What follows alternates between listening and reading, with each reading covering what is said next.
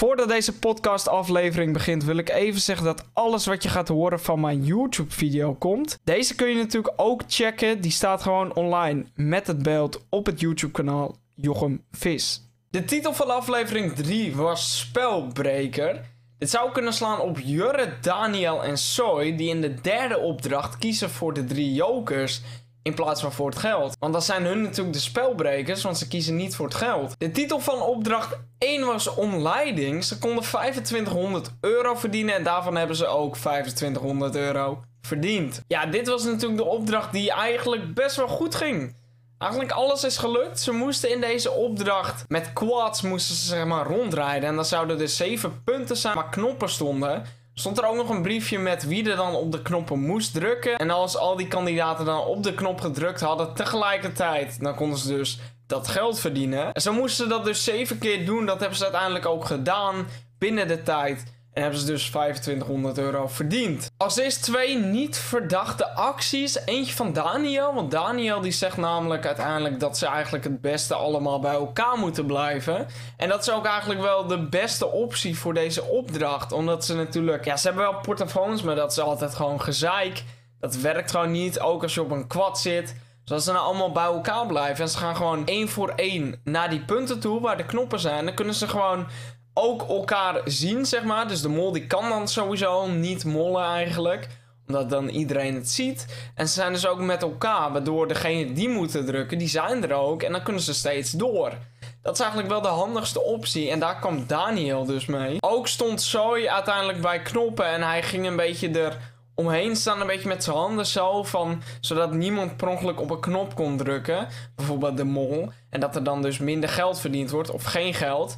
Uh, dat deed Zoe dus. En dat zou een mol dus niet doen. Uiteindelijk waren ze allemaal klaar en waren ze weer bij het beginpunt aangekomen. Toen zijn de biel nog. Volgens mij zijn we nog één uh, plek vergeten. Volgens mij hebben we er maar zes gehad. Uh, maar dat was dus helemaal niet zo. Ze hadden ze alle zeven al gehad. En misschien dat hij als mol toch nog een beetje probeerde om er nog voor te zorgen dat de kandidaten toch nog even gingen zoeken. En dan dus uiteindelijk te laat terugkwamen. En dus uiteindelijk alsnog geen geld verdiend kon worden. Uiteindelijk kun je dus niet zo heel veel met deze opdracht. Omdat het gewoon helemaal goed ging. En de mol heeft ook niet echt kunnen mollen of zo. Dus ja, we hebben eigenlijk niks aan deze opdracht. Dan gaan we door naar opdracht 2. En opdracht 2 heette per definitie. Ze konden 2000 euro verdienen en daarvan hebben ze 750 euro verdiend. Voor deze opdracht moesten de kandidaten duo's vormen. En dan kwam Rick met Zuid-Afrikaanse woorden. En dan moesten ze dus per duo moesten dus een woord daarvoor verzinnen. Dan zouden uiteindelijk al die woorden op een bord komen. En dan moesten de kandidaten dus kiezen wat het echte woord is. Als het echte woord gekozen zou worden, zouden ze daar 50 euro mee verdienen. Dan zouden ze een nepwoord kiezen. En die is dan dus van een duo. Uh, dan krijgen we dus een punt. En wie dan de meeste punten uiteindelijk had, die kreeg dan dus twee jokers. Ook wel weer een geinige opdracht. Um, ja, wat natuurlijk iets voor de mol is. De mol die weet natuurlijk al dat deze opdracht eraan komt.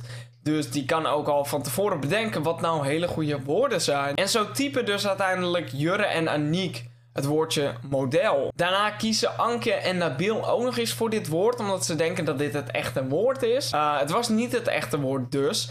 Alleen van model kun je dus ook de mol maken. Dus zou een van hun bijvoorbeeld de mol zijn. Dan heb ik hier zo nog een overzichtje uit Moltalk.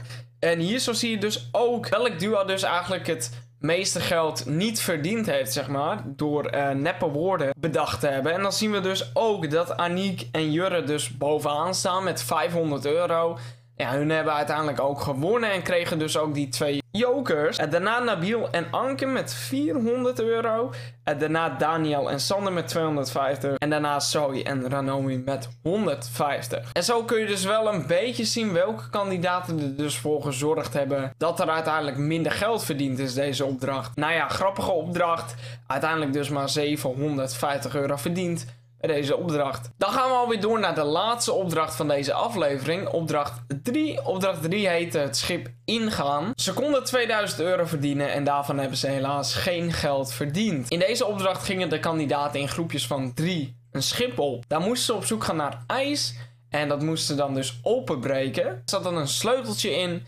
Wat woordjes. En die sleutel die was voor een kist. En daar zat dan weer een woord in. En als ze dan uiteindelijk al die woorden hadden, konden ze daar een ander woord mee maken. En dan moesten ze dus naar Rick toe dat sleutelwoord zeggen.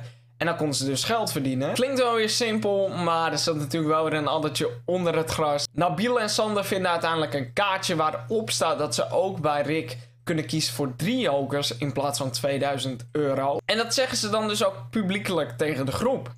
En dat is dus wel interessant, want als mol wil je dus dat de kandidaten kiezen voor de drie jokers, want dan wordt er geen geld verdiend. Ja, en van Sander weten we natuurlijk al wat, uh, wat met Sander gebeurd is, maar ja, voor Nabil kan dat dus een molactie zijn. Want Nabil, als hij de mol is, heeft hij natuurlijk liever dat de kandidaten voor drie jokers kiezen dan 2000 euro. Dus dat is een verdachte actie voor Nabil. Uiteindelijk loopt Nabil ook nog langs een kistje die hij dan niet ziet. Uiteindelijk loopt Sander er ook nog langs en daarna Daniel, die ziet hem wel en die opent het kistje. Dan zou je natuurlijk kunnen denken van dat is een verdachte actie voor Nabil. Alleen eigenlijk niet, want de mol die wil natuurlijk dat alle woorden gevonden worden omdat de mol ook weet dat de kandidaten voor drie jokers kunnen kiezen. En de mol heeft dat natuurlijk liever dan dat ze voor geld kiezen. Dus wat Daniel dan weer doet, die vindt het kistje. En daarmee zorgt hij ook dat de opdracht eigenlijk slaagt.